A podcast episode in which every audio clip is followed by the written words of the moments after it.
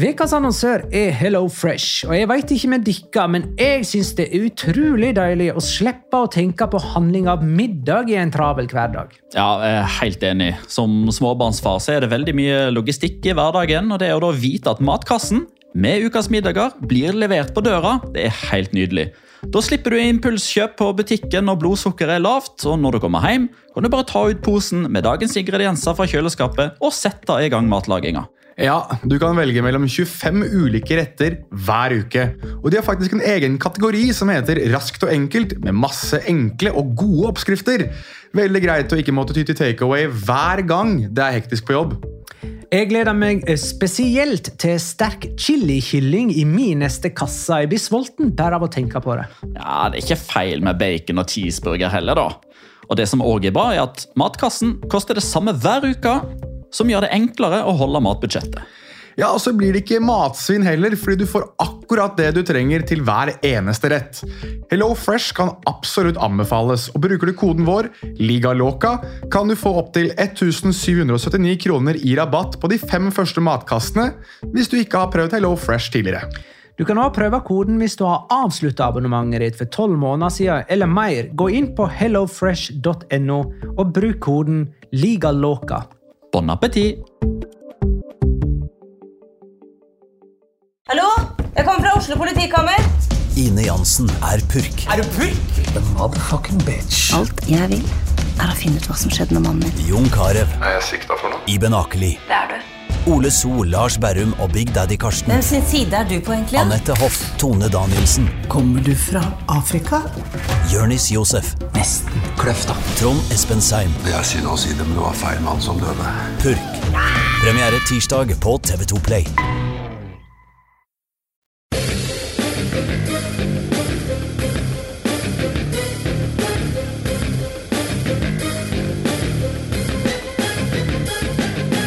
Har du sett? Xavi har enorme luksusproblem som løser seg elegant så lenge Lewandowski får spille. Karim Benzema er ute med skade for Real Madrid, men det er ikke Fede Valverde, Rodrigo eller Venicius Junior, for å si det sånn. Og spiller Griezmann 30-minutterskamper pga. en misforståelse? La liga loca. En litt gærnere fotball. Ja, ja, ja, dette er La Liga Loca episode 217 av det ordinære slaget. Med Petter Wæland, hei. Hei! Og Jonas Giæver, hei. Shalom home. Og Magnar Kvalvik, hei. Hei, Magna. Går det bra? Jo. Ja. Vi lever jo i hvert fall, da. Fem år. Hva? Ja um, Var det en sånn Kadis-referanse? Nei, det var ikke ment som en Kadis-referanse. Det var det ikke. Oi! Wow! Ja, Vi starter sterkt. Ja, det var ikke ment som Det var eh, Nei, det var ikke ment som en Kadis-referanse. Beklager. Det var Mm. helt tilfeldig. Du Det var det at vi hostet alle sammen her, og da sa jeg liksom at ja, vi lever jo. Ja, men det gjør jo alle i Kadis òg, heldigvis. Ja, heldigvis. Ja. Ja. Vi har levd i fem år, da. Ja, Det det er vel faktisk på datoen at denne episoden blir spilt inn 12. september 2022, og vår første kom 12. september 2017. Ja. Så vi burde jo ha sprått en champagne eller gjort et eller annet stas på oss sjøl, men uh, vi er ikke så sjølbevisste. Der har du sjampanjekorken. Der har du det. Nei, men greit. Da går vi gjennom runde nummer fem fra La Liga-sesongen, da. Ja. Med, og den starta med en Girona Valladolid 2-1 på fredagskvelden. Girona slo altså opprykksrivalen og ligger på åttendeplass etter fem runder. Eh, første kamp lørdag var Rayo mot Valencia. Den endte 2-1, og det lå jo litt i kortet etter at Valencia slo Getafe 5-1 i forrige runde, at de skulle gå på trynet her, og det gjorde de. Español Sevilla endte 2-1. 3. Eh, Sevilla holdt på å rote vekk en eh, tremålsledelse, men Español klarte bare to reduseringsmål, og dermed fikk Sevilla sin første seier for sesongen. Eh, Cádiz-Barcelona 0-4. Etter at Barcelona spilte 0-0 i seriepremieren mot Rayo, så har de i snitt skåra fire mål i hver eneste kamp, og Lewandowski har skåra i alle de fem kampene. Atletico Celta Vigo 4-1. Atletico sin første heimeseier i La Liga for sesongen. Og de møter Real Madrid på Metropolitano neste helg. Real Madrid slo Mallorca 4-1 på Santiago Bernabeu. Der tok Mallorca ledelsen, men igjen viste et par Real Madrid-spillere enorme kvaliteter, og Los Blancos har sju seire på sju offisielle kamper denne sesongen. Eh, Elche Athletic Club 1-4. Atletic har skåra fire mål i sine siste to bortekamper og tapt 1-0 hjemme mot Español i mellomtiden. Eh, Getafe Real Sociedad 2-1. Real Sociedad vant på Old Trafford eh, torsdag, men i drømmenes kolosseum ble de et nummer for små. Real Betis Villarreal 1-0. Villarreal skapte sjanse på sjanse i første omgang uten å skåre. I andre omgang slapp de inn sitt første baklengs for sesongen, og dermed ble de òg påført sitt første tap. Jeg lurer på om vi like godt eh, begynner der, faktisk. Real Betis Villarreal på Benito via Marin. Var det rundens mest ufortjente seier, Petter? Uh, Si ja! Du vet du vil. Ja, ja Skal vi konkurrere om den, da? Eh, Jeg håper å si Sevilla hang jo godt i tauene på slutten der. Men eh, ja, ok, da. Greit. Etter det sjansesløseriet første gangen så kan jeg vel være med på det, uten å bli beskyldt for å være så altfor gul. Eh, Men eh, jeg sitter jo igjen med det jeg skrev etter kampen i går, da, med at dette var, dette var en skikkelig god fotballkamp, syns jeg. Der det var to lag som eh, begge forsøkte å spille på sine styrker istedenfor å forsøke å bare ødelegge mest mulig for eh, alle gode fotballspillere som er utpå der. Så jeg koste meg skikkelig. Det gjorde jeg. David Sørhaug spør hvor sannsynlig anser dere det at Viareal skråstrek Betis klarer å ta en topp fire-plassering? Altså, er det, for å stille spørsmålet litt annerledes da, med mine egne ord, er det disse to det står mellom om topp fire? Nei, jeg syns ikke vi skal glemme det. altså Sociedad og Sevilla. Har vel litt å gjøre Hvor med at kom Sevilla fra der, liksom rett inn fra venstre? Nei, Det er jo eh, av den enkle grunnen at de var de som tok fjerdeplassen de tre foregående sesongene. og ja, jeg er fullt klar over at de står med fire poeng etter fem kamper, men de er ikke så ufattelig ræva at vi skal liksom bare glemme dem med en gang. Syns det er litt gøy. Det er vel Du, Magnar, hadde vel Betis på fjerdeplass, og jeg hadde Villarreal. Og slik det er nå, så er det Betis på tredjeplass og Villarreal på fjerdeplass, så kanskje begge to får litt riktig. Eh, tenker ikke det. eh, at det er noen særlig seriøse sjanser for det, men eh, ja, jeg sitter med en feeling på at dette er sesongen der Sevilla dyttes ut av topp fire. Men jeg er neimen ikke sikker på om det blir Betis. Altså, jeg tror faktisk det, jeg tror det blir Villarreal. Ja. Men, men For å kjøre et sånn dobbeltsvar på det, da. altså Ja, de to kommer til å være med, men nei, det står ikke bare om de to. altså Det er ikke én Real Madrid, to Barcelona, tre Atletico Madrid eller bytte innbyrdes rekkefølge der, og så fire Villarreal og eller Betis, fem Villarreal og eller Betis, og så kommer røkla. Der har du jo store spørsmål, da, lurer jeg på. Hvis in the event at Betis ender på fjerdeplass hvor, altså Manuel Pellegrini må jo på sokkel i flere av eh, Spanias store fotballbyer, hvis han klarer det også. altså da tror jeg helt, sånn, helt seriøst at det kan ikke være altså Det eneste argumentet mot han er at han ikke har vunnet et La Liga-trofé. Men han har vunnet cupen, og han, tar, da, han vil da ha tatt åpenbart Real Madrid, Malaga, Villarreal og Betis alle til Champions League. Ja, helt enormt. Helt enorm, den prestasjonen. Og, og det er liksom Jo, det er jo, men nå skal jo ikke vi berømme den prestasjonen før det faktisk har skjedd. Men hvis det Nei skulle skje, men, det, nei, men det var det jeg skulle til å si. Det trenger ikke å bli fjerdeplass engang her for at vi skal berømme Manuel Pellegrini. Ja, det er greit. Overhodet ikke. Han har de beste tallene i alle de fire klubbene. Villarreal møter jo faktisk Sevilla i neste serierunde.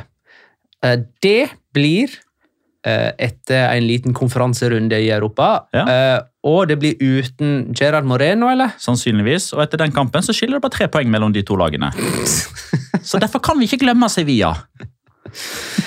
Men uh, veit Ja. du hvor- lenge skal uh, Nei, det virker ikke Eh, altså, det, det virker jo som at uh, omsider da, så har Gerard Moreno forsøkt, eller han har skjønt at når han kjenner at det napper i, i lysken, så må han bare gå ut med en gang.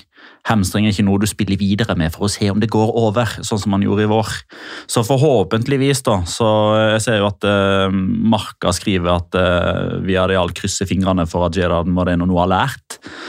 Eh, vi får se. Det var jo en, sånn, eh, var en løpssituasjon eh, der han Jeg vet ikke om han håper jeg, bare satte foten ned for kjært, eller noe sånt, men det begynner jo å gå litt sånn troll i ord med Gerard Moreno. da. Vi har kødda litt med at han er den nye Carlos Bacca. Det ser ut som han har vondt når han løper. Det er mye armer og bein. Blir liksom berømma for å ha god teknikk. Ja, det har han jo, for han kommer jo eh, fakta faen ut med ballen i behold nesten hver eneste gang han er inne i trange rom. Men det ser liksom klønete ut. Han har jo Det er gjerne sånn hvis du jeg har hatt en diskusjon før, når vi gjerne har deres mening på dette. Når man sier at noen tråkler seg gjennom, er det positivt lada eller er det negativt lada? Ja, jeg skjønner at Hvis man tråkler seg gjennom et forsvar, så har man lyktes med det. Men det ser ikke fint ut hvis man tråkler seg gjennom. Nei, Det er litt sånn, altså, Kan like gjerne si snuble seg gjennom. Ja, Nei, det eh, Men det, begrepsbruken har utvikla seg, så uh, nå Jo, men, veit jeg eh, egentlig ikke hva det betyr, betyr lenger. Nei, men konteksten her da, som fotballkommentator, det kan vi alle relatere til. Han tråkler seg gjennom forsvaret. Da, da, da er ikke det Messi som sender folk på ratata og Jerome Boateng ned i et hull i, Nei, i det er gresset. liksom. Da er det Gerard Moreno som er på tur. Ja, jeg vil jo si at for Omar Sadiq har tråklet seg vei gjennom en del forsvar denne sesongen. her. Ja, men han har òg brøyta seg gjennom. Ja, ok, Så han er litt av begge deler. han er. Erling Braut Haaland, da? Men eh, altså, eh, ordet Ja, per uh, ordbøkene.no ja. Det betyr Med jo Ø i å sy- sy sammen med lange sting, eventuelt uh, bevege seg i sikksakk. Så egentlig så er, passer det helt fint Ja, da, er det, til da er det bare min oppfattelse av ordet som er feil. da. For jeg syns Ja. det høres negativt ut når man prøver å beskrive noe positivt. Ja, men eh, det er så mange begrep som har mista sitt opphav i fotballkommentering. Dette vet du. Ja, ja. ja jeg, og jeg er en del av det. Bokstavelig talt, eller Peder? Ikke akkurat nå. Eh, hva var det jeg skulle si? Jo, jeg følte det var verdt å nevne at Real Betis eh, møter Ludogorets i eh, Europaligaen, mens eh, Villarreal skal til Israel og møte de som heter Hapoel Birsheva. Birsheva, ja. Birsheva. Mhm. Apollo Birsheva, Det er vel uh, Ludogorets, som er fra Rasgrad i Bulgaria. De har vel Aslak von Wittry. Ja, jeg skulle si. Aslak von Wittry er der. Han høres, altså Det var så riktig når han spilte i Nederland. Han høres i nederlandsk ut. Ja, Aslak von Wittry! Ja, egentlig poeng. Blir veldig random, dette. Eller? Ja, Ja. Eh, skal vi gå videre, da? ja, det må vi. det ene av de to lagene som utgjør Derby Madrileño. Kommende serierunde. Real Madrid eh, slo Mallorca med 4-1. Eh, og Real Madrid er eneste lag i topp fem serier som ikke har avgitt eh, poeng. Skal vi snakke om eh, utligningsmålet til Valverde, for eksempel? Eller? Fytte Satan for en helvete. pasning av Ceballos. Ja, da, det er målgivende av. Dani Ceballos, som vel starta sin første kamp for sesongen. Ja, det gjorde han. Uh, nei, Viktor Hallnes skriver Jeg vet at fotball er et lagspill, men skåringene til Valverde og Rodrigo må- må vel gå inn som grunn til at man nesten må ha individuelle kåringer. Ja. Men uh, ja, og da individuelle kåringer uh, som årets mål og sånne ting. Eh, du trenger ikke Ballon d'Or for min del. altså. Nei, nei, det trenger du ikke, men samtidig så er det sånn eh, Altså, du Du får ikke ikke mi stemme hvis du syr sammen et angrep på 22 trekk og får touch og mange spillere som er involvert. altså. Tråkla sammen et angrep. Ja, der har du det. Veldig bra. Men ja, nei, altså, snakke om Valverdes mål altså det Jeg synes jo, Når det kommer til å beskrive skåringer, så er det ingen her som er bedre enn deg. da, Magnar. Du er jo jævlig bra på det der med å liksom Spesielt altså Alle som har hørt La Liga Loca, burde ha hørt Aritz Adoris uh, beskrivelsen din. Eh, Nå setter jeg deg veldig on the spot her med å prøve å forklare dette. Ja, jeg er ikke forberedt. Nei. Nei, Men du har sett det? Jeg har sett målet. Ja. Kjør! Kjør beskrivelse! Nei, men eh, det er, noe, det er helt grunnleggende å få sagt her, er jo at han får ballen på egen banehalvdel og springer forbi hele Mallorca. Eller i alle fall så er det tre stykker som prøver å omringe han, eh, omtrent ved midtstreken. Eh, men, og det jeg syns er litt moro med måten han avanserer forbi dem, det er at han gjør et, eh, han gjør et trekk med ballen før de egentlig får plassert seg skikkelig til å komme i, i kontakt med han. Altså, det var en på Discord som spurte liksom, var ikke det litt urutinert av Mallorca-spillerne å ikke bare rive han ned, Mm. eh, felle han. Eh, men eh, problemet, sånn som jeg ser det ja, for deres del, det var at de kom aldri tett nok på han. Nei. For at han var, han var et steg framfor eh, i dobbel forstand, da. Både i tankesett og med det enorme tempoet. Det har vi nevnt før. At når han får opp makstempoet, så er det knappast noen som er raskere. Kanskje Injaki Williams. Jeg så eh, Valverde, han sa jo det etter kampen. Jeg vet ikke om han sa det til Marka, men Marka refererte det i alle fall. Når det liksom, han skulle, jeg vet ikke om han skulle beskrive skåringa, men jeg tror kanskje han fikk spørsmål liksom, liksom, hva, hva tenkte du liksom i, i den situasjonen? Hvorfor valgte du å gjøre som du gjorde? Og da sa han at nei, han, er, han er skrudd sammen sånn at når han, når han bare ser den fargen som representerer motstanderen, da løper han. Da, da, da bare løper han, og aller helst vekk fra eget mål for å minimere risiko. Altså, Da, da har ballen mer der oppe enn her bak å gjøre. Så han må han bare løpe. Han bare løpe. Julius Ferrer var det for øvrig som eh, spurte om det på, i Discord. Kred til han. Kred til Julius Ferrer. Um, for det er et viktig, viktig spørsmål å stille. Uh, jeg er ikke helt ferdig med Valverde sin scoring, for at vi har egentlig bare snakka om uh, løpet han gjorde med ball. Uh, vi må ikke glemme at han da avslutta med et skudd fra sånn 18 meter med venstre i det lengste kryss. Smeller jo i grøset, ja. En helt vanvittig skåring. Men ledermålet til Vinicius er ikke så ille, det heller. Eh, Men da i lagspill med Rodrigo, som gjør et vanvittig forarbeid med et dribleraid, eh, spiller gjennom til Vinicius, som har en vanvittig førsteberøring. Så er det at han finter ut to motstandere med den, og så bare chipper ballen, eller egentlig bare over foten på keeper og i mål. Han har en evne, en evne til å provosere på seg motstandere med både overspill og finspill, uh, Venicius. det var På slutten der så var vel halve Mallorca ute etter å drepe han. Ja, i hvert fall uh, Martin Valjent og Antonio Raio. Uh, og det er, liksom, det er noen sånne fakta der som er fortsatt ikke Altså, uh, dette konseptgreiene, det, det ler vi jo litt av. Eh, Det føyer seg inn i bad takes. Det er ikke så mange bad takes, ja, men ja, i eh, hvert, fall- ja, i hvert fall hvis man legger ondviljen til, for jeg har aldri sagt noe om kvaliteten til Vinicius. Nei, jeg, jeg legger den Det er jævlig, må- det er Ja, den jævligste vilje som ja, det, finnes. det, og det er jobben din, og den tar, jobben ja, ja, den tar vi. Det er det og Ansu Fati, som aldri skulle spille et minutt igjen for Barcelona. Det er Ja. de to Ja, som jeg kommer til å altså, jeg, Du kommer til å få høre det! Ja, jeg skal, ta, jeg skal, jeg skal tatovere det på underarmen her. Jeg, Men, eh, Alt det der er i sterk konkurranse med at eh, Luis Suárez var ferdig på toppnivå i Helt riktig. 2017. Det er helt 12. riktig. september 2017, Luis Suárez ferdig på det, var, toppnivå. det var første taken, det. Første episode. Velkommen til La Liga Locas Jeg husker ikke om det var første Nei, det er helt episode. sikkert. Det var helt Men det sikkert. var en av de tidlige. Ja. Jo, Nei, men, men jo, men jeg bare- bare la merke til altså den, den ene siste der, eh, når han blokkerer en klarering, som liksom går opp på, på tribunen, og så er det liksom hoiing og hyling og sånn der øh, opp på stadion. og sånn voldsom sånn der, Han gjør det voldsomme også. fakta. Jo, men det, det, liksom, det, det er bare han som gjør det. Ja. Og når det kommer i tillegg til alt dette eh, Jeg kaller det for litt sånn eh, oppvigleri, eh, opphøyd i showboating. Og det er jo fantastisk gøy å sitte og se på, men jeg tror kanskje det kommer til å kaste han et ankelbrudd en gang. For snart så kommer han til å møte en som gir litt blanke faen i om han får fire kampers karantene for å kveste han. Det, jeg, altså Damian Suárez uh, kvester jo klørne sine eh, til eh, oppgjør mot Real Madrid. For å si det mildt. Nei, altså Jeg syns jo eh, dette med konseptspillere osv. Er, er fryktelig moro, men jeg, jeg er jo en brannfakkel. Men jeg mener at akkurat nå, slik han spiller nå, det har jeg sagt til Discord, så er Venezia Junior topp fem i verden. Hva angår angrepsspillere. Mm. Det er mange som prøver å komme med andre navn, men akkurat nå så er det Jeg sier ikke at det er én eller to eller tre eller fire eller fem, men han er blant topp fem. Eh, Likevel så syns jeg faktisk Rodrigo var hakket bedre i akkurat denne kampen. eh, Både for det Reidan hadde i forarbeidet til Venicius mål, og eh, det Reidan hadde til sitt eget mål. Og så er det verdt å ta med at jeg skrev det før Rodrigo hadde den der ville raidet sitt også. Hva du skrev. Nei, at Venezia Vinicius er topp fem i, i verden. Men han er det. Jeg står jo på det. Ja, ja. Men da er Rodrigo kanskje topp seks, da?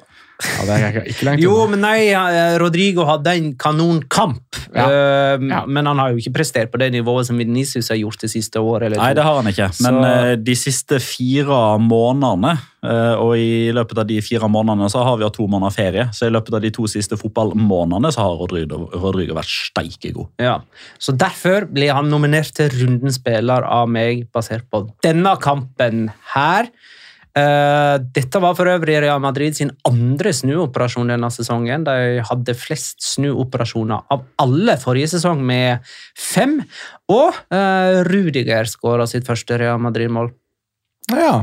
Det gjorde han. Eh, De møter Red Bull Leipzig eh, i eh, Champions League onsdag på Santiago Bernabeu. Og apropos Leipzig, som jo er tyske, og Rydiger, som er tyske, og Kroos, som assisterte, som òg er tysk. Husker dere hvem som hadde den forrige tyske målkombinasjonen i La Liga? I La Liga Fra Kroos til Rydiger og skåring. Husker dere hvem som var den forrige? Eh, oh, det er ikke en uh, Kan det være noe så banalt som Øsil og Kedira? Det er helt riktig. Oi. Uh, jeg trodde ikke vi skulle så langt tilbake i tid, så Nei, det men- var mm, sterkt. Men er, tyskere går liksom ikke så veldig Det er ikke så mange tyskere i La Liga, med unntak av i de store klubbene. For at, har jeg fått inntrykk av, da. Nei, Det er helt riktig. Takk. Eller jeg deler inntrykket. Takk. Ja, Det er det. Det syns jeg er egentlig hyggelig. Takk for at du er enig med meg. Takk for at det hørtes riktig ut. Eh, men det er altså um, Atletico Madrid som er eh, Real Madrids neste La Liga-motstander. Atletico slår Celta Vigo Men- med fire Kan jeg bare få bare registrert, bare siden han kommer ikke til å nevnes resten av episoden Men gud hjelpe meg for en heading av Vedat Morici! Den der kraftpluggen eh, på bakre stolpe. Altså, Mallorca tok jo ledelsen. Det der innlegget fra Kang In Lee var jo fantastisk. Det, vi må jo ta med litt av Mallorca Eh. Men når var forrige målkombinasjon Sør-Korea-Albania? Nei, det var jo Kosovo, faktisk. Det var for, for uka uke siden, det. Eller halvannen uke siden. Det er andre gangen de to kommer. Oh, yes! Det skjer oftere Ja, ja, ja. altså. Sør-Korea Kosovo der. Ja, ja, ja. Ja, nei, jeg, jeg, jeg la meg bare fascinere av der, Vi har jo snakket om det, at det der Vedat Morici-greiene det kommer til å vare i kanskje to serierunder til, og så er det helt stopp. Mest sannsynlig. Men sa du det for tre serierunder siden? Nei, vi sa det før sesongen starta, at uh, Javier Aguirre og Mallorca kom til å få en kjempegod start. Morici kommer til å være helt rå i starten, og så stopper det. Og så kommer, kommer Javier Aguirre til å bli sånn tredje eller fjerde trener som får sparken. Ok. Da kan det gå til Atletico Madrid. Atletico lada opp til Derby Madrileño med en 4-1-seier mot eh, Celta Vigo. Eh, åh, nå skal jeg prøve eh, Ikke skrevet ned målskårere, nå skal jeg prøve å komme på det. Korea skåra det første målet. Eh, Rodrigo de Paul via Unai Núñez til det andre, men det er Rodrigo de Paul sin skåring. ja, for den gikk innenfor. Og så 3-0. Det var Var det Carasco, det? Det, var var Carasco. Eh, fint raid, det òg. Fint raid. Det var det. Og så var det Onay Núñez som skåra sjølmål til slutt. Nei. Det Eh, var det ikke. hvem det var da? Den, skåringa har Robert Lewandowski faktisk fått, for den var kliss lik. Eh, Barcelona var i 3-0. Så den har han faktisk fått. Det var Mateos Cunha som hadde avslutningen for Atletico, men uh, den gikk via Den hadde gått utafor, eller det var jo ikke ment som en avslutning engang. Jeg tror han prøvde å slå på tvers i feltet via Unai Núñez, og i mål. Sjømål der, altså. Hvem var? Jo, det var han Veiga skåra for Celta Vigo. Ja, ja han, Han er spennende. Jeg syns han er skikkelig spennende. jeg. Jeg har jo brakt vel han til torgs, holdt jeg på å si, uh, forrige episode. Han er han- og Aymar Oroz er to sånne spillere som jeg tenker at kan få skikkelig gjennombrudd denne sesongen. her. Aymar Oroz i Osasuna. Eh, men vi er vel alle enige om at, at Atletico ikke har de samme individuelle ferdighetene som Real Madrid. Men det har de jo på en måte aldri hatt. Det var jo liksom systemet og kollektivet de konkurrerte med en gang i tiden. Har de det nå? Ja Jo Ja. I målt opp i en kamp mot Real Madrid.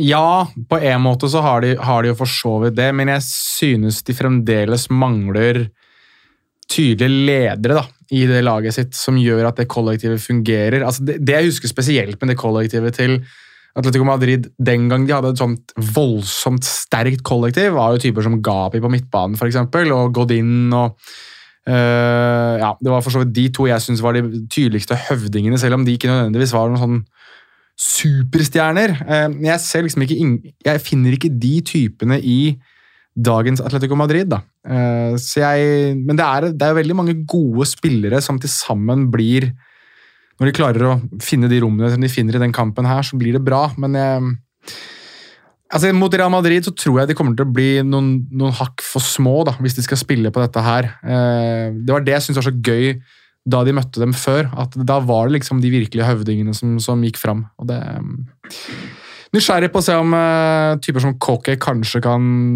finne litt tilbake til eh, Colchonero-opplegget sitt til den kampen. Det vil jo være én profil ute på hvert lag, da. Oblak. Skada for Atletico?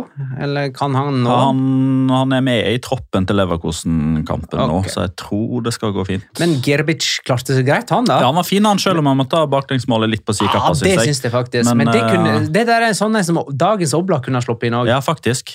Det, det, det tok faktisk eh, Fordi eh, underveis i denne kampen her så satt jeg og kommenterte, eh, og hold dere fast, uh, Widad Casablanca mot Berkan. Eller er det Berkane? Berkan. Berkan.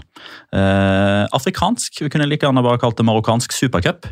Berkan 2-0, var det ikke det? Berkan vant 2-0. Ja. Eh, så jeg fikk ikke med meg liksom alt som skjedde på Metropolitano samtidig, naturligvis. Men etter hvert der så, så skjønte jeg jo at eh, Hvem i alle dager er det som står i mål for Atletico? Hvorfor Å ja, nei, det er ikke Oblak som står, nei. Å ja, Girbic, Oh, han, er, han er i live, ja. Men så kom jo baklengsmålet til Gabriel, og så tenkte jeg nei, det der var Oblak. Det der var Oblak. Og så zooma de inn på Nei da, det var Gerbic. Men jeg syns den redninga alene med Jørgen Strand Larsen, aka Jorge Playa, synes jeg jeg- Det er sånn typisk Det hadde vært en Oblak-redning òg, for så vidt. Det å vente og vente og vente, og så få opp en arm. Jeg syns det er Veldig, veldig bra redning. Eh, Det ble jo 90 minutter på Jørgen Strand Larsen her. Eh, og han hadde en stor sjanse i første. Det er den du refererer til, sant? Ja, tidlig Også, første gang. Ja, og så hadde han en stor en i andre omgang òg, der han eh, satte ballen uh, utafor. Mm. Syns han var en kjempekamp, jeg. Og det sa jo Ståle Solbakken òg under eh, pressekonferansen til Norge, at han latt seg De tok ut troppen, og han er jo på A-landslaget. Og han sa jo det at han latt seg virkelig imponere over det vår venn Jorge Playa har eh, vist i eh, sine første Hva blir det for noe? Mange minutter han spilt? 135 minutter i La Liga. At det var grunnlag for at han kunne få en sjanse på A-landslaget. Men han tok vel den ut, eh, Jørgen Strand Larsen, før dette oppgjøret. Jeg veit. jeg vil jo håpe at han i hvert fall har Han nevnte i hvert fall det som eh, grunnlag for hvorfor, han, eh, hvorfor Strand Larsen var med. Så det kan jo være at han har imponert såpass i La Liga at det i hvert fall ga et bedre grunnlag for å ta han med. Eh, det blir snakka om at Barcelona tar Atletico til retten pga. Ja, at de har ulik forståelse av denne her Antoine Griezmann-avtalen. Kan jeg, før du går inn på det, jeg må bare få sagt det her så jeg får det av brystkassa her. Jeg kjenner at det, altså jeg synes det er veldig Det er på en måte festlig at dette her er en gimmick. Altså For de som ikke vet det, og det må jo alle vite nå, men altså når det passeres 60 minutter i en Atletico Madrid-kamp, så byttes Antoine Griezmann inn. og Det har jo sin rot i det du skal inn på nå straks. Men er, dette her er i ferd med å bli litt sånn laughingstock nå. Altså nå er det, det er litt det, det er hoverende, nesten, syns jeg, overfor eh, både Atletico Madrid-supportere og Barcelona-supportere. Altså at de har kommet til det punktet der du faktisk kan sitte og bare Du kan nesten vite at på 60 så skal Antoine Griezmann inn. Altså Det er så tydelig og så åpenbart at eh, Atletico Madrid står og pisser i trynet på Barcelona. Og Ja, det er nesten så de gjør det demonstrativt. ja, men det er nettopp det, og, og, og i så måte også pisser i trynet på Antoine Griezmann. For er han må jo forstå det her, han også. Altså, det her er jo, dette er jo ene og alene for å vise Barcelona at de ikke vil betale de der 40 millioner euroene. Ja, ja, det er en, ja til, til en viss grad så er jeg enig i det, men det har vi jo vært inne på før. Med tanke på å forsøke å forklare uh, ting som ikke nødvendigvis er åpenbart for alle. Men dette visste Griezmann om da han signerte leieavtalen. så Han veit at, at dette her er en, en greie. Han, han veit hva som er greia her. Han har bidratt til å sette seg sjøl i denne situasjonen, ja. Men jeg, jeg vil, vil bare føye på nå. Ja, for han kom inn etter 63. Uh, og apropos litt sånn, jeg, jeg føler det var litt sånn uh, outside of the pitch shit housery, for å være litt Jonas Giæver akkurat her nå med mange engelske ord på rappen. Han sto klar etter 58. St uh, Han sto klar etter 58. Han og 58. Joao Felix. Han og Joao Felix de sto der fra 58 til 62.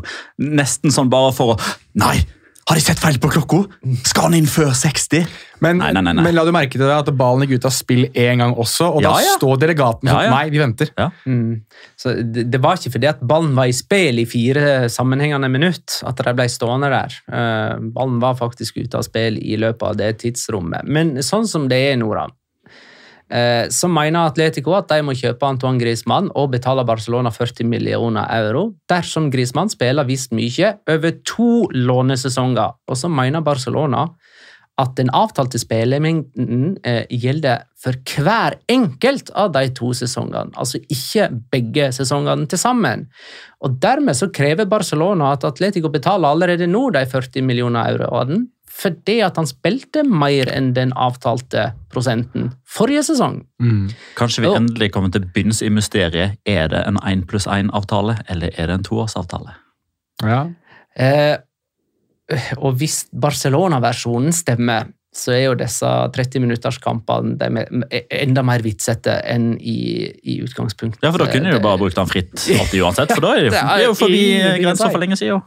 Jeg husker jo Det er eh, helt utrolig. altså. Hvis, eh, vi, ja, og det, skal, det kan bli en rettssak av det. Dette er jo 2022-versjonen av eh, og en enda mer komplisert variant av dette greiene som Levante og Arona Coné holdt Ja. på med på slutten av 2010-2011-sesongen. Stemmer. Jeg husker jo, Vi satt jo faktisk hjemme hos Magnar og hadde Deadline Day-sending vi, da den her eh, overgangen her. Da visste vi ikke om det var én pluss én eller to. Og da, vi visste vel heller ikke om det var obligatorisk kjøpsopsjon. Nei, Eh, For det meldte den ene klubben, Men men den ikke andre den andre gjorde ikke det. Det var, Ja. det var det jeg skulle fram til. Og husker dere også en annen ting? At Antoine Griezmann dukket opp i systemene til La Liga før, Før klubbene før hadde klubbene hadde offentliggjort det. ko- offentliggjort det. Og så offentliggjorde Barcelona det veldig kort tid etterpå, men vi hørte ingenting fra Atletico Madrid før dagen etterpå. Det tok lang tid før Atletico Madrid kom, og hvis du så de to pressemeldingene, så hadde Barcelona gjort det tydelig at her er det obligatorisk kjøpsopsjon etter de to årene. Mm. Mens i eh, Atletico Madrid sin så var det ikke det, men det var en kjøpsopsjon. At de kunne gjøre overgangen permanent. Så, her har de vært jeg- uenige. Her har det vært steile fronter siden dag én sjøl, etter at de har inngått avtale.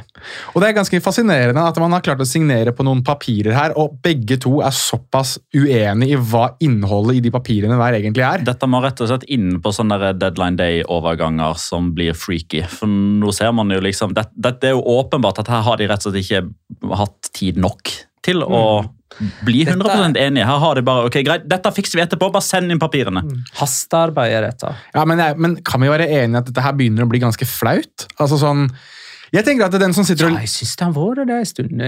Altså, jeg tenker at Forestill deg altså, Nå vet jo ikke jeg hvem som altså, alle som hører på den podcasten her, men det er liksom dette her er jo Chelsea og City sitter og holder på sånn her, da. Eller Roma og Inter sitter og holder på sånn som det her. Eller Molde og Rosenborg sitter og holder på sånn som det her. Altså, Real Madrid må jo sitte og tenke faen, for noen jævla idioter det her er. Altså, Er det det her vi skal Altså, Florentino Perez må jo tenke at eh, altså, Hva i helvete er det som foregår i den ligaen her? Min påstand her er at den eneste som vinner litt på dette her, er Diego Simione.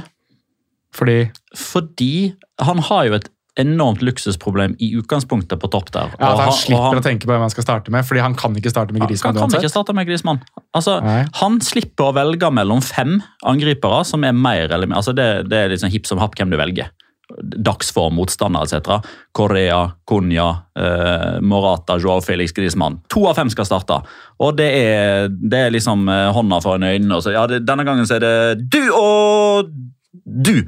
Men nå han slipper å velge mellom fem. Nå velger han mellom fire. Grismann kommer inn etter 63. hver Ja, men Det må være helt jævlig da, for de spillerne som, som er ute på der og vite at ja, ok, men uansett hva som skjer her, uansett hva jeg gjør, så skal vi demonstrativt bytte innpå han der karen der etter, etter eh, 60 et eller annet. Ja. Det er jo bare piss! Atletico- Nei, men det er så piss. Nei, sorry, beklager, men det, det, her kan, det her kan de ikke De kan ikke være kjent med det her. Nei, men det, Det er kjent av. ja, Nå er litt kjent av, da er jeg fullstendig faen i det begrepet akkurat nå. Det her er bare tull! Jeg tipper at eh, i løpet av september, senest oktober, så er Antoine Griezmann permanent Atletico Madrid-spiller fra med 1. januar, og de betaler 20 millioner euro. Ja, Atletico møter Leverkosen Ja i. Tyskland på tirsdag. Få se, da! Tror du Grismann starter den kampen, eller, Magnar? Nei, kommer inn etter en halvtime. Eller med en halvtime igjen. Jeg er så lei! Español Sevilla endte 2-3.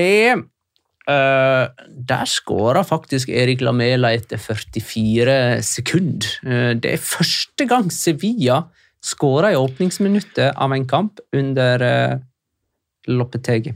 Eh, to mål og en målgivende av José Ángel Carmona. Hvem er det? Du, det er en eh, 20 år gammel eh, i utgangspunktet høyreback.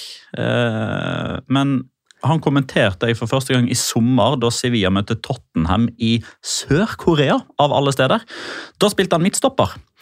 Eh, Men det er jo åpenbart at her har de funnet Jesus Navas eh, på nytt, kanskje. Eh, For den kampen her var virkelig imponerende. Han spilte vel midtstopper mot City òg, ikke han det? Ja, det gjorde han vel. Trebekslinje. Mm, så han var en av mitt Ja, en av tre. Mm. Uh, Men denne gangen så var han jo rett og slett bare valgt foran uh, Navas og uh, godeste Montiel. Og det er klart, Den, den første skåringa er liksom dukke opp-skåring på rett plass til rett tid. Strekke inn en lang fot, og den går så vidt inn. Men den andre skåringa er jo rett og slett Ja, stemmer det. Eh, Cabrera. Eh, ja. Men uansett, da. To mål som eh, høyre back, det er jo ikke verst. Og så kommer jo godeste eh, Fran Martinez, altså La Liga en direkte, med en sånn fun fact som er, den er langt oppe på, eh, på Veland-skalaen. For José Ángel Carmona han er den første Sevilla-spilleren siden Carlos Machena som skårer mål. Jeg har sett den Og han har da et navn som er navnet på en bydel i Sevilla. Altså Marchena ligger i Sevilla, Carmona ligger i Sevilla, men Marchena er ikke fra Marchena, og Carmona er ikke fra Carmona. Det her er, dette er La Liga Dette er nede i min gata. Dette her er La Liga for avanserte, for å si det sånn.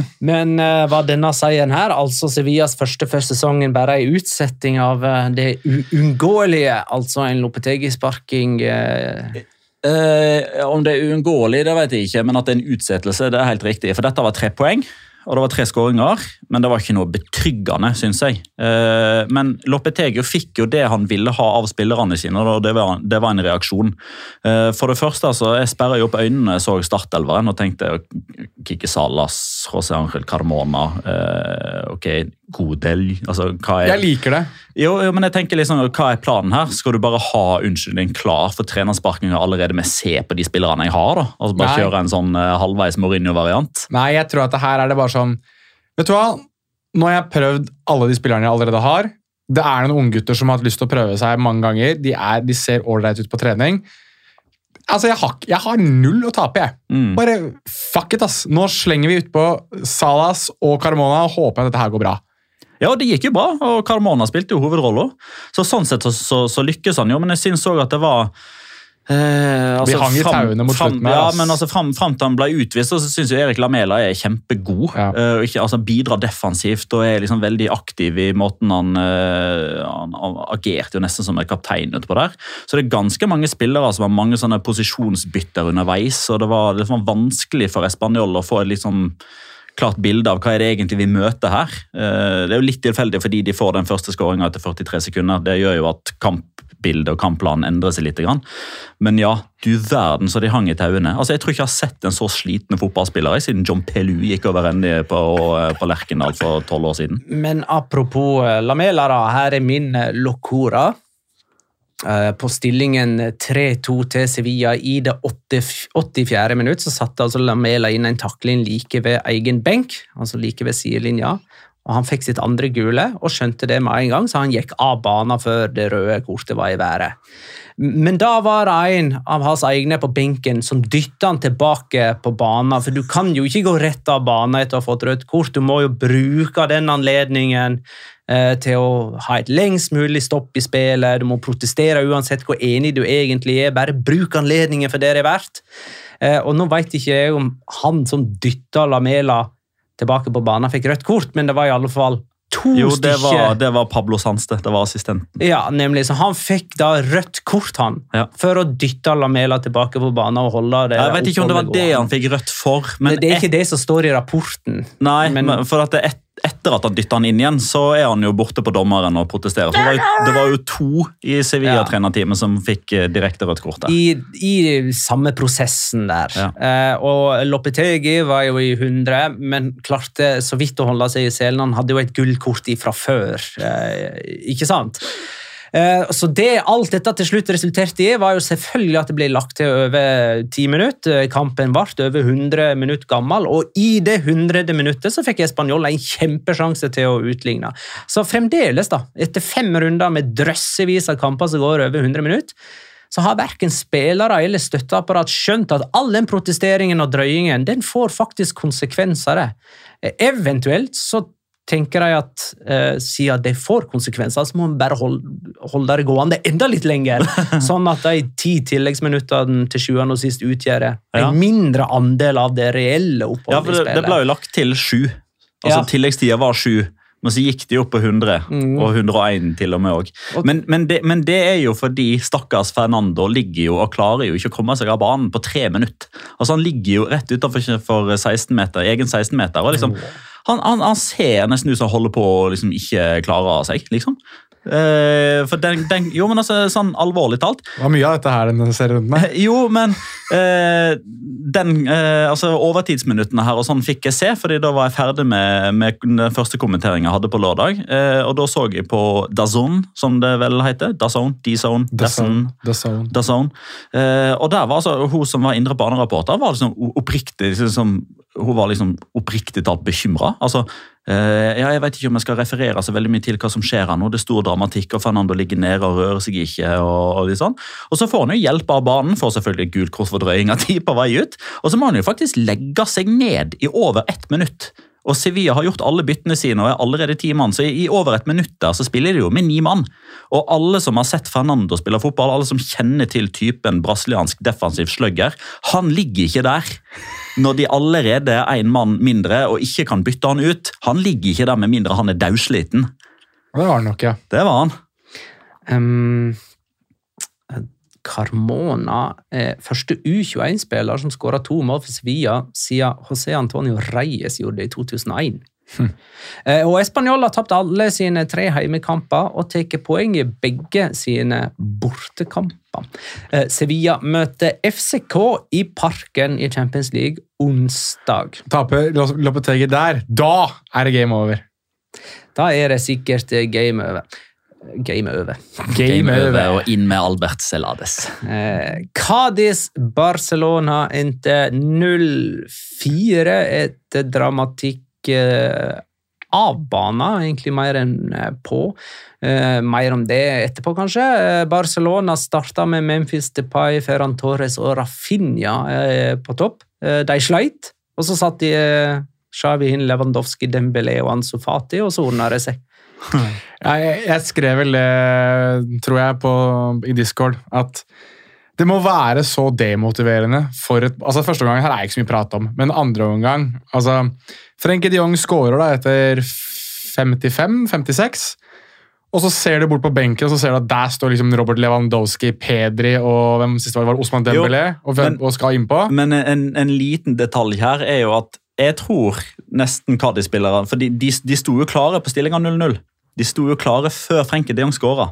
Og jeg tror nesten det er sånn at Cádiz-spillerne bare sånn Ok, de skal sette inn på dia. Ok, greit. Og bare legger de seg ned og dør. Ja, nei, Og altså, så kommer 0-1. Ja, nei, jeg blir bare sånn Jeg blir så fascinert av Altså, det er jeg, vi, vi nevner nesten hver eneste episode, men den der bredden som Barcelona har i angrep, den gjør bare at jeg blir så fa... Altså Funker ikke dette, så gjør de dette, og så funker det, liksom. Det er Men altså, Vi, vi snakka gjentatte ganger om det når Seymour hadde, Kanal, eller Kanal Pluss og Seymour hadde litt studiosending og så. Sånn. Og så var det noen ganger i De glade dager, som de kaller det. dager. Eh, da, eh, da Barcelona hadde gått et stykke i Champions League og det begynte å nærme seg liksom åttedelsfinale, kvartfinale, semifinale, da var det noen ganger i helgene, typ Levante på hjemmebane, eller sånn, så panorerte de over benken, og så sa vi 'herregud, for en benk'. Der sitter Chavi, Iniesta, Messi, Piqué. Og Det er nesten at vi er tilbake inn der, altså. For den benken, altså De fem som kom inn, da. Osman Dembélé, Pedri, Robert Lewandowski, Ansu Fati og Marcos Alonso. De som ikke kommer inn, da, er jo Andreas Christensen, Jordi Alba, Frank Kessi, Jules eh, Condé eh, og Erik Asia. Altså, det er en helt vanvittig innbytterbenk. Han gjorde jo ni endringer i startelveren fra Pilsen-kampen. Det var bare uh, uh, Ter Stegen og Frenke de Jong som var igjen fra startoppstillingen. Var de, var de bak, bakfulle? Ja. Etter på pilsen. ja. Uh, men eh, Xavi i si tid var jo en spiller som ble eh, brukt veldig hyppig på midtbanen, og han lærte vel kanskje Og, det inkluderer jo for Spania. ikke sant? Han lærte vel kanskje at ja, det, det er belastende å spille alle disse kampene Altså, er, over er- flere sesonger. Da, Ja, og så som- er det jo òg mer belastende å spille fotball nå. ja. enn hva det var, selv om det ikke er mer enn 6-7 år siden han uh, herja rundt der og ble brukt, så, så kommer jo kampene enda tettere nå enn de gjorde før. Jeg ville bare ta opp, ettersom vi var inne på alle disse um, spillerne, og hvor, den der bredden som Barcelona har i troppen Nå har jo de nye tallene for uh, limite salarial osv., altså disse lønnstakene i La Liga kommet. Uh, vi har jo sett at Barcelona har jo aktivert Palanca på Palanca på Palanca for å få inn penger. Nå er jo tallenes tale der. Nå vet vi hvor godt eller dårlig dette her har eh, blitt for Barcelona. Bare for å ta det veldig kjapt, altså for de som husker det, de hadde minus 144 eh, millioner euro i sist eh, lønnslimit, eller eh, Ja, i januar. januar. Nå er de pluss 656 millioner euro. Det er altså 800 millioner euro swing. I, eh, altså fra 144 opp til 0, og så eh, 656. Det er 800 millioner som de har fått inn. Det er kun Real Madrid på 683 millioner euro som er bedre. De har gått fra å være versting, absolutt versting, til det å være nest best i La Liga. Det er sinnssykt hvordan de har endret det der. Og så kan vi jo fint si at å ja, men de har jo solgt sjela si, og de, har jo, de eier jo ikke nåla i veggen lenger, og hvordan skal de gjøre med TV-avtalen sin? Helt greit. Jeg bare sier at slik tallene ser ut akkurat nå, så har de gått fra det å bo i en pappeske til å ha flyttet inn i en villa på Montebello. Som Spotify har betalt for. Som Spotify har betalt. Spotify Montebello. Det er eh, Men eh, Ja. og det har vi jo sagt, dette her med at det kommer ikke uten risiko osv. Javier Tebas har jo allerede vært ute og sagt at ja, dette er helt riktig. Dette får de aldri gjøre igjen. Dette får de aldri gjøre igjen. Ja. Til neste sesong så må den ned på 400. Ja da. Så vi ønsker masse lykke til. Finn-Viggo Dreyer skriver når Depay omsider får starta, er han helt ubrukelig. Passer ikke han inn i Xavi Ball, og forsvinner han i januar? Ja, Det er jo han Ja. som sikkert må ut da, for disse her 400 millioner euroene. Ja, men altså, jeg tror Memphis Depay eh, forsvinner. Det Ja. Fins det ikke noen liga som fortsatt har vinduet oppe? Ja, det har vel stengt i Tyrkia nå. Ja, det er vel akkurat stengt der. Uh, er det noen som er oppe nå? Kanskje noe det så Midtøsten? Miralem Pjanic eh, tok jo turen til Midtøsten, Ja. men jeg, jeg tror ikke Memphis er der. Nei, men det var vel også en free transfer Ja, men det er Midtøsten. Ja, det er jo åpent, det. Mm. Eh, både Beyerin, eh, som starta kampen, og Marcos Alonso debuterte for eh, Barcelona, som òg har tysk motstand i Champions League denne veka. De møter Bayern i München eh, tirsdag. Marcos Alonso er unik. Ja. Okay, Flott eh, type. Takk for det, Petter. Veldig hyggelig at du syns det.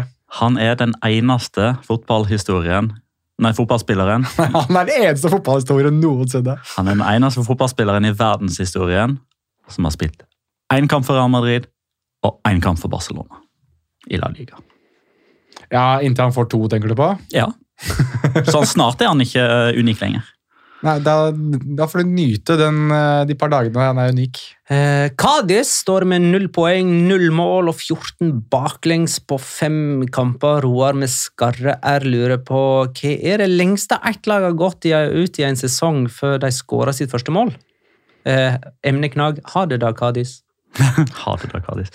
Eh, nei, var ikke det Alaves da, for eh, noen år tilbake? Nei, Eh, var eller var det Valladolid? Jeg mener Alaves hadde en like lang, like lang rekke som det Cádiz har nå, med, med uten mål. Mm, men jeg husker ikke I 17-18-sesongen. 17-18. Men jeg husker ikke hvor lang den rekka til Alaves ble. Nei, Men jeg mener dessuten at de hadde en 0-0-kamp eller to inni der, sånn at de hadde i det minste poeng. Ja. Nei, de, de tapte de fem første. 0-1, 0-2, 0-1, 0-3, 0-1. Og så tapte de 1-2, og de skåra da mot Real Madrid I sjette i sjette kamp etter 40 minutter. Så Kadis har eh, i så tilfelle da 40 minutter på seg.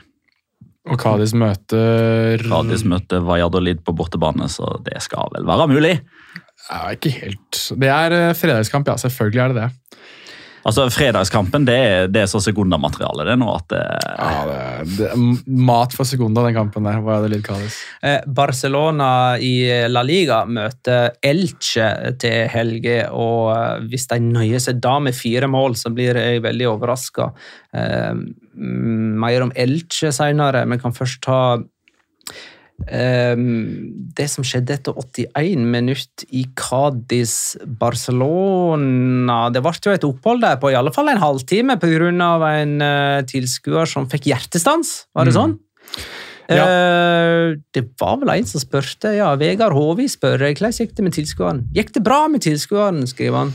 Ja, det ble heldigvis eh, bekreftet på spansk radio av Manuel Liscaino, som er eh, presidenten til Kadis, at det var en, en tilskuer som hadde fått et illebefinnende, hadde ja, jeg tror fått et hjerte, hjertestans. og de hadde fått liv i vedkommende igjen, men det er jo litt grunnet eh, samlet eh, Hva blir det for noe på norsk? På engelsk blir det effort. Nå er jeg sliten. Eh, Innsats. Samlet innsats fra publikummere og spillere og folk på tribunen som reddet denne ene personen. Dommeren stoppa jo kampen og reagerte nå, han òg. Kjempekjapt. Så, mm. Men, var, men jeg må få sagt det at det var eh, Altså Jeg dekket jo da Christian Eriksen fikk hjertestans i parken eh, for Dagbladet. Eh, altså Jeg var ikke på stadion, men jeg satt jo så og skulle prøve å rapportere på dette. her. Hadde samme feeling ass, når du ser spillerne står og holder seg til ansiktet, og Ronald Araujo sitter og ber, og det er liksom Det var ekkelt, altså. Men, eh, men i alt dette her så slenger jeg kjapt inn min nominasjon til rundens spiller, og det er en herremann som slapp inn fire mål. eh, Men kanskje har stått for sesongens redning likevel, i eh, Conan Ledesma, som ja, han får den hjertestarteren av eh, jeg tror det er Barcelona sin, sitt medisinske apparat. for det er det som er bildet, at det er en Barcelona-mann som kaster denne hjertestarteren inn. Men han, altså han sprinter ut, henter denne og sprinter kjapt ut langs eh, sidelinja og får kastet denne hjertestarteren opp på tribunen, slik at man får i hvert fall startet aktiv livredning. Det var en eh, socio eh, i Cádiz som også hadde blitt hjulpet bort til der hvor denne tilskueren var, for å starte med aktiv livredning. Han fortalte litt om dette før da Røde Kors kom og tok over. Eh, så det her er altså Colin Ledesma er sikkert ikke ene og alene skal ha ansvar for dette, for det er veldig mange andre som sto der, altså annet det medisinske apparatet og denne klubbmedlemmet av, av Cádiz. Men jeg vil våge å mene og tro at hvis ikke Colin Ledesma hadde tatt den spurten og hadde fått den hjertestarteren, så kunne det her ha gått riktig så ille. Så Conan Ledesma blir um, min nominasjon til, til rundens spiller, og heldigvis så var det vel også et intervju med datteren til denne personen som fikk um, uh, Altså som hadde hjerteinfarkt, og han, um, han er på bedringens vei, selv om han åpenbart var ikke i beste form. Rayo slo Valencia 2-1 på Vallecas. Rayo hadde ingen heimeseier i, seier i La Liga 20, i 2022. Men så kom altså endelig Valencia på altså. besøk. I grevens tid, kan man uh, si. Um, Hva er det med Valencia og disse turene til hovedstaden? Altså, det er jo Men, de, altså, de, ja, men altså, de har ikke vunnet i Madrid siden 2019. ja, men det er Og det. én ting er at eh, de møtte ikke bare Real Madrid, de møtte ikke bare Atletico Madrid heller, men det er Retafe og Rayo. Så det er komplett evneveike hver gang de kommer til hovedstaden. på de siste 16 kampene i Madrid så har de tre uavgjort og 13 tap. Ja. Nei, men altså, det er vel ikke noe mer Valen men altså, Nei, men Det er ikke noe mer Valencia, Valencia det å vinne 5-1 en helg og så tape 2-0 helga etter. Det Så er- lenge Madrid-laget, altså disse mindre Madrid-lagene kommer til Mestalla, så går det greit. Ja, ja, ja, det, det er fint. Men eh, Her lurer jeg på om jeg kan få lov til å ta ordet til min Locora. Kan jeg få lov til det? Mhm. Og det gjelder ikke egentlig Valencia, eh, og det gjelder ikke den kampen her, men det gjelder jo eh, Rayo-president Raúl Martin Presa. Han bør jo egentlig bare få egen spalte nå, ukentlig. Ja, han burde egentlig det. Eh, altså, det er, det er et av de Dette her er virkelig et av de sjukeste øyeblikkene jeg kan huske i spansk fotball på ganske lang tid. Eh, jeg skal prøve å være kjapp, for det her kan jeg sitte og snakke om ganske lenge. kjenner jeg. Men uansett, uh, Cadena Coppe meldte da at torsdag kveld så skal uh, Raúl Martin Presa ha vært i møte med representantene til Raúl de Tomàs. De som ikke har fått med seg det, Raúl de Tomàs hadde jo skulle egentlig signere for Rayo Vallecano på deadline day. Den overgangen havarerte i siste sekund, så han ble værende i Spanjol. Nå ser det ut til at han kommer til å gå til Rayo Vallecano uansett. Men Raúl Martin Presa var da i samtaler med agentene til Raúl de Thomas torsdag kveld. Der snakket de om da sånne agenthonorarer osv. Og, så og Raúl Martin Presa skal ha fyrt seg så opp at han forsøkte å fike til, eh, eller gå etter en av advokatene til eh, Raúl de Tomàs, og idet han skal fike til han, så treffer han agenten til eh, Raúl de Tomàs i ansiktet. Han svarer så ved, og Førsterapporten var at han hadde slått til uh, Raúl Martin Presa i ansiktet. Det som egentlig skal ha vist seg, er at han nikket til han i nesa. Raúl Martin Presa ringer så til politiet og ringer til ambulanse. Må så uh, få hjelp da til å komme seg på sykehuset av ambulanse. Har ikke brukket nesa, men skriver fortsatt under på en politirapport om at han er blitt angrepet av da en av disse menneskene. Han vil ikke navne i hvem, men en av disse menneskene hadde angrepet han. Han lot seg så intervjue fredag kveld av El Chiringuito på vei ut fra Vallecas, der han snakket om at forhandlingene gikk i riktig vei. Da var hele nesa hans bandasjert opp, og det ville han ikke snakke om. Men nå ser det uansett ut til at Español, Rayo Vallecano og Rayo Vallecano og disse agentene omsider kommer til enighet. Og Raúl Tomàs blir Rayo Vallecano-spiller igjen. Men, og historien er ikke over ennå, han kommer til å flytte til Madrid nå og trene med Rayo fram til januar, så han kommer ikke til å spille en kamp til for Español. Og i samme øyeblikk da mest sannsynlig eh, signerer seg ut av VM-troppen til Luis Henrique. Der har du La Liga Loca for deg. Og etter kampen mot Raja Vallecano, da ville han snakke om situasjonen. For da tok han ikke fokus vekk fra det sportslige. Og Nei, da riktig. sa han vel noe sånn som det at hvis de hadde bydd opp til slåsskamp, så hadde jeg blitt med. Men det hadde vært, ja, det stemmer. for Han hadde sagt at eh, jeg hadde ikke fått beskjed om at, at han gjorde det. Det kom helt uprovosert. Men hvis han ville slåss, så var jeg klar. Fy faen, for en mann!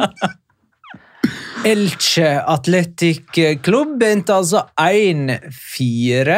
Eh, En utrolig forferdelig førsteomgang av eh, Elche-forsvaret. Nico Fernandes debuterte på venstrebekken til Elche og skåra sjølmål etter åtte minutter.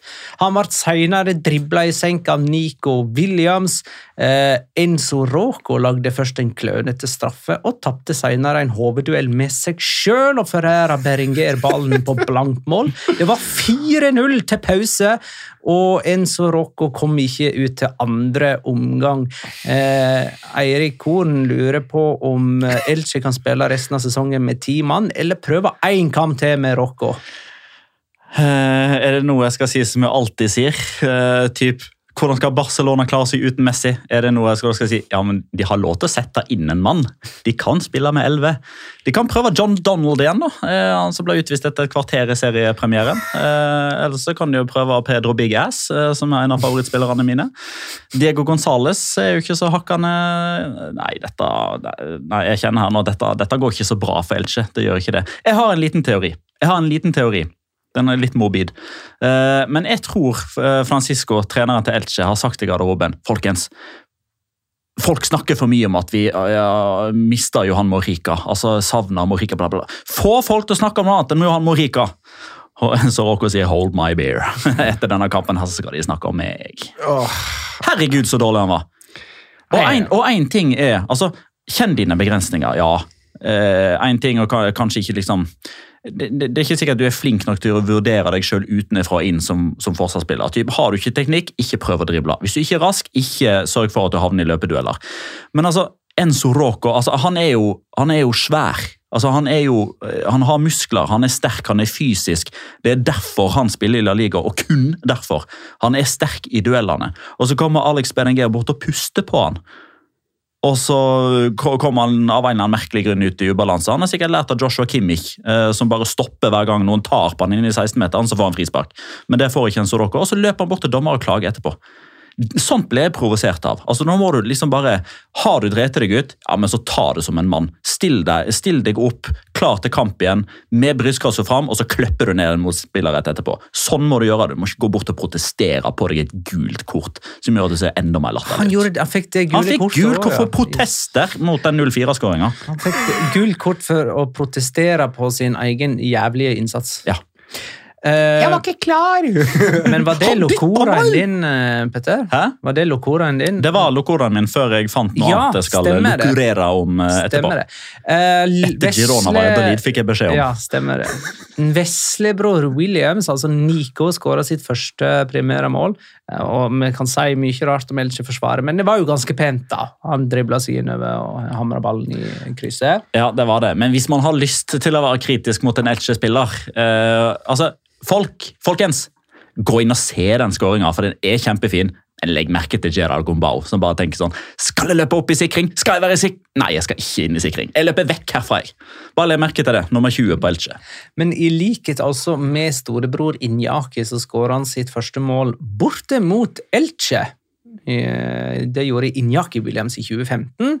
Nico Williams i 2022. Og Injaki Williams har skåret tre mål til etter det. Men spe- i- på, på 7000 kamper på rad. 7000 kamper på rad, fire mål totalt.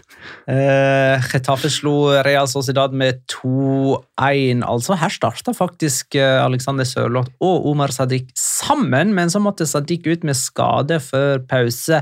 Uh, mer om Sadiq etterpå, men var det for lite tid til at vi fikk et inntrykk av de to sammen, og hvordan det funka? Det funka jo ikke. Nei. Det gjorde ikke det. Det skapte jo ikke en skit framover. Um, jeg tror det er en sånn typisk reaksjon. En, dessverre da, et nytt bevis på at Real Sociedad er nok ikke så kapable til å ta den fjerdeplassen som jeg trodde, eller kanskje håpte da, på deres vegne. For nå har de fått to sjanser, mener jeg, da, eh, til liksom å, å motbevise dette. Eh, og den første var jo hjemme mot, Real, nei, hjemme mot Barcelona.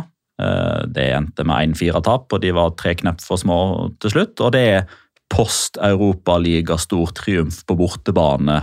Det å omstille til en ja, altså Fra Drømmenes teater til Drømmenes kolosseum. Det er, det er ikke stort nok. Eh, da roterer vi litt, og så skaper vi ingenting før etter 50 minutter, og da er det for seint. Ja, det er litt typisk da, med liksom uavgjort mot Atletico forrige helg, seier mot United i midtveka, og så tap mot uh, Getafe. Ja. Finner liksom ikke helt uh, Nei, Det var der jeg trodde de skulle ta et steg, men det har de jo åpenbart ikke gjort. da, i alle fall ikke uh, men Omar Sadiq, som er rekordkjøpet til Real Sociedad, han uh, røk korsbåndet, er ute i lang tid. Abrahamsen lurer på om uh, Real Sociedad da får dispensasjon til å hente Martin Braithwaite. Den er, den er veldig elsker fin. spørsmålet. Men svaret er jo nei, da. De har jo endra på den. Altså, den overgangen og farsen i, i bakkant gjør jo at de endrer på det. Så nei, det har ikke det lov til. Med mindre de finner noen som uh, fikk brutt, avbrutt kontrakten med sin forrige arbeidsgiver før 1.9. Men har Som jo er årsaken til at Valencia kan hente Iago Errerin hvis de vil det, fordi Jaume Domenech har røket akillesen. Ok. Eller Eh, ACL er det. Men han er nå ferdig for 2022, i alle fall, Omar eh, Sadiq. Uh, Saki Navas uh, spørre Sørloth overvurdert eller undervurdert? Synes han Rikt, jeg syns han er riktig vurdert. Jeg synes han var fantastisk god på Old Trafford, i hvert fall. Det, er- altså, de 45 minuttene han fikk der, der var han enorm. Men riktig vurdert. Men jeg, men jeg syns Så en plass i midt imellom der, altså.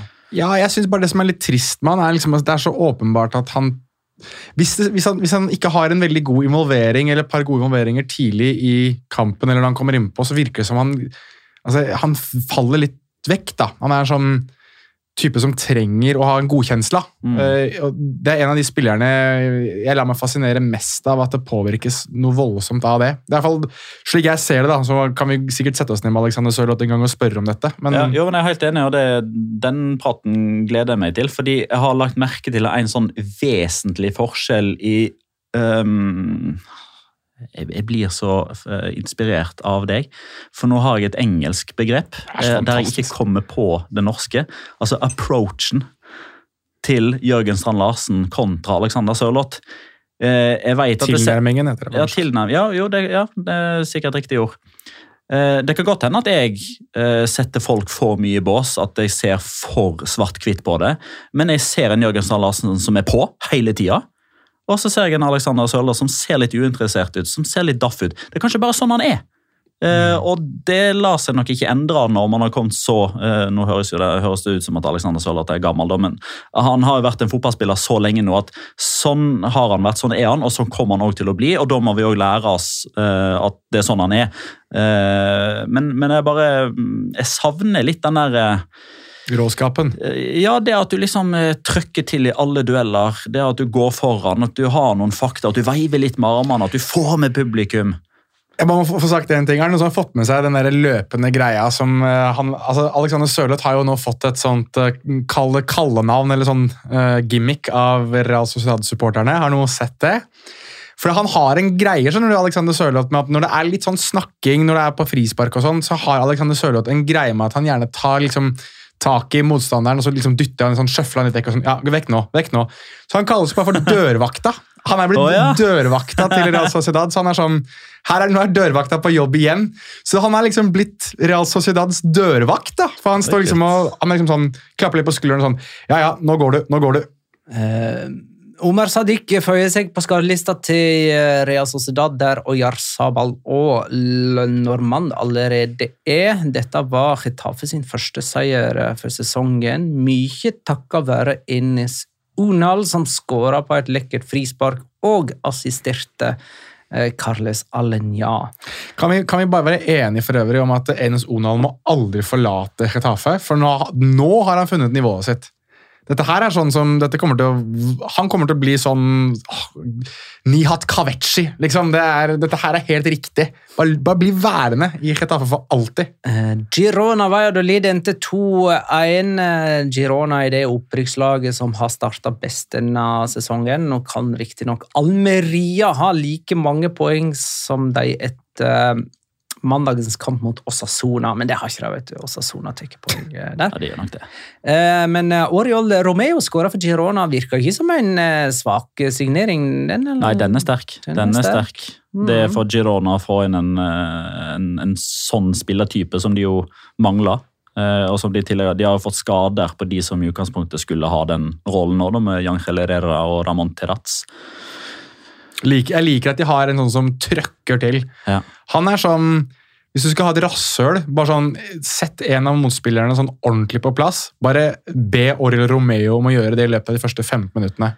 Og så er det stille fra han playmakeren i resten av kampen. Ja. Nydelig. Men uh, Jeg det så vidt i discorden, men altså, vi, må, vi må snakke bitte lite grann om den shortsen til Alvaro Aguado. Altså, du har, altså, du har noen forskjellige varianter. Du har Rocke Mesa, blant annet. Han har, han har shortsen ganske langt liksom, oppe på lårene. Men Med han har, drakt inne i shortsen. Ja, med drakt, jo, men til gjengjeld så har jo han drakta over navlen. Nei, shortsen over navlen. Altså, den, den er høyt oppe på alle mulige måter. Men shortsen til Alvaro Aguado er, den er litt for langt nede øverst, og altfor høyt oppe nederst. Jeg er ganske sikker på at i løpet av denne sesongen her, så kommer kjønnsorganet til Alvaro Aguado på TV. Jeg er 100% sikker. Han ruller opp shortsen sin. Noe så inni granskauen. Han gjør det samme som eh, Hva heter hun igjen, da? Eh, hun gjorde det for England. Uh, og de vant jo Hun, ah, hun skårte, skårte ikke mot Norge. Ja, hele England skårte Alle skårte mot Norge. Georgie Georgie St Stairs Star ah, Jeg blir irritert. ikke- Spørs om vi skal bruke overtiden vår på å Ja, lete fram det gjorde- navnet. Hun Nei, gjorde det vi, vi skal over på andre kvinner nå. Dette er locoraen min. eh, For eh, La Liga F. FN står jo da for eh, Feminina. Den skulle jo ha starta nå denne helga. Eh, og egentlig de siste to årene så har det vært en sånn kjempelang prosess. Der fotballen i Spania skal profesjonaliseres for kvinnene. Endelig. Eh, og det her har det vært mye fram og tilbake, og på vaskeekte tradisjon tro spansk vis, så har man jo krangla noe så inn i granskauen det siste året for å finne ut hvem som skal bestemme de forskjellige tingene. Dette er den typiske barnehagekrangelen mellom Tebas og Robiales, der de skal få uh, ja, bestemme hvem som skal bestemme osv. Og, og så skal jo sesongen åpne nå med brask og bram, uh, men så er det jo Her fikk vi jo da òg det virkelige beviset da på de som framsnakker dommerne rolle. For det er jo som man sier, har man ikke dommere, så får man ikke spilt kampen. Og Det var nettopp det som skjedde når første runde skulle arrangeres denne, denne helga. her. Da fikk vi bilder av at uh, det var vel Atletico Madrid og Real Sociedad sine spillere som varma opp på hver sin banehalvdel. og Kampen starta jo ikke på det tidspunktet den egentlig skulle starte, fordi dommerne valgte å gå ut i streik. Og Det er uh, av en årsak som er veldig veldig forståelig. For Vet dere hvor mye en kvinnelig dommer får for å dømme en kamp på det høyeste nivået i den profesjonelle serien? Eh, La Liga Feminina? 250 kroner. Eh, ok, du var litt vel mye på Nå ødela du liksom poenget mitt. For ok, får, skal jeg si det? 10 000 kroner, da? Nei, de, de får 2500 kroner. Mm. Og det er jo altså da en 28-del av det f.eks. Matheo Lahos får hver eneste kamp. Eh, så dette har de jo da naturligvis eh, protestert eh, mot, og de kommer ikke til å dømme før en ny lønnsavtale er på plass. Og as we speak så sitter de i krisemøte nå med det spanske fotballforbundet. Men ja, som sagt da, ingen lar seg vel overraske over at en serieåpning i Spania blir enten trua med eller utsatt pga. streik. All right. Men da har vi vel blitt enige om at Ledesma er rundens spiller, da. Mm -hmm. I konkurranse med José Ángel Carmona, som hadde to mål og én målgivende, og Rodrigo, som hadde én mål og én målgivende. Eh, rundens spiller er han som slapp inn fire. Og reddet et liv. ja. Det gjorde han, eh, eller bidro han til. Slapp inn fire, reddet et liv. Jo, men I, i den anledning, den, den tyske Dazon, Dazon The Zone, ja. The Zone, ja den tyske varianten der. Uh, eh, Tvitra jo et bilde av en jublende Dembélé og skrev da på tysk uh, 'Når din beste venn er motstanderens keeper'. For Ledesma tabba seg jo ut på, på 4-0-skåringa. Den tweeten svarte Mark-André Stegen på og sa dette her er bare, dette er bare tull. Altså, Skjerp dere, liksom. Og de sletta tweeten og beklaga seg i etterkant. er bra. Tippekampen. Forrige kamp var Real Betis via Real, som endte 1-0, med Rodri som eh, første og eneste målskårer. Jeg vet ikke om han nevnte i episoden at det var Rodri som ble matchvinner i den kampen. Tror du sa det. Okay. Snakka mest med Rodrigo. Eh, jeg hadde 2-1 til Betis med Iglesias. Eh, det gir meg ett poeng. Jonas hadde 0-2 med Gerard Moreno. Null poeng. Og Petter hadde 1-0 med Iglesias som førstemålsskårer, og det er tre poeng. Faen. Så da har Petter seks, jeg har fem, og Jonas har tre. Neste kamp er Atletico Nei, vi gir oss nå. mot Real Stopp Madrid. ja. Petter, du er først ute. Hvilken kamp var det vi skulle tippe på? Atletico Real Madrid. Er ikke det større kamp til helga? Mm, ja, du kunne ha tatt via Real Sevilla. Nei, det var Der har jo du satt borte seier. Ja, det har jeg allerede. Um, Atletico Madrid, Real Madrid en 1-2, og første målskårer er Vinicius Junior, som får eh, et pappkrus i hodet rett etterpå. Vinn-dog, vinn-vinn. Jeg, jeg har òg 1-2, eh, og Alaba som første målskårer. Uh, 0-1. Det ble ikke så spennende, det her. altså. Nei uh... Uh, uh, Valverde. Valverde. Greit. Da er vi ferdig. Takk for at du lytta, kjære lytter. Ha det, da.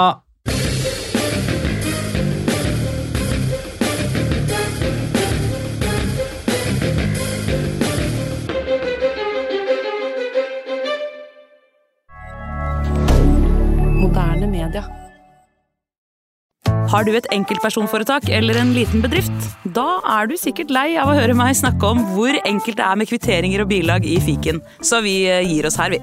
Fordi vi liker enkelt. Fiken superenkelt regnskap.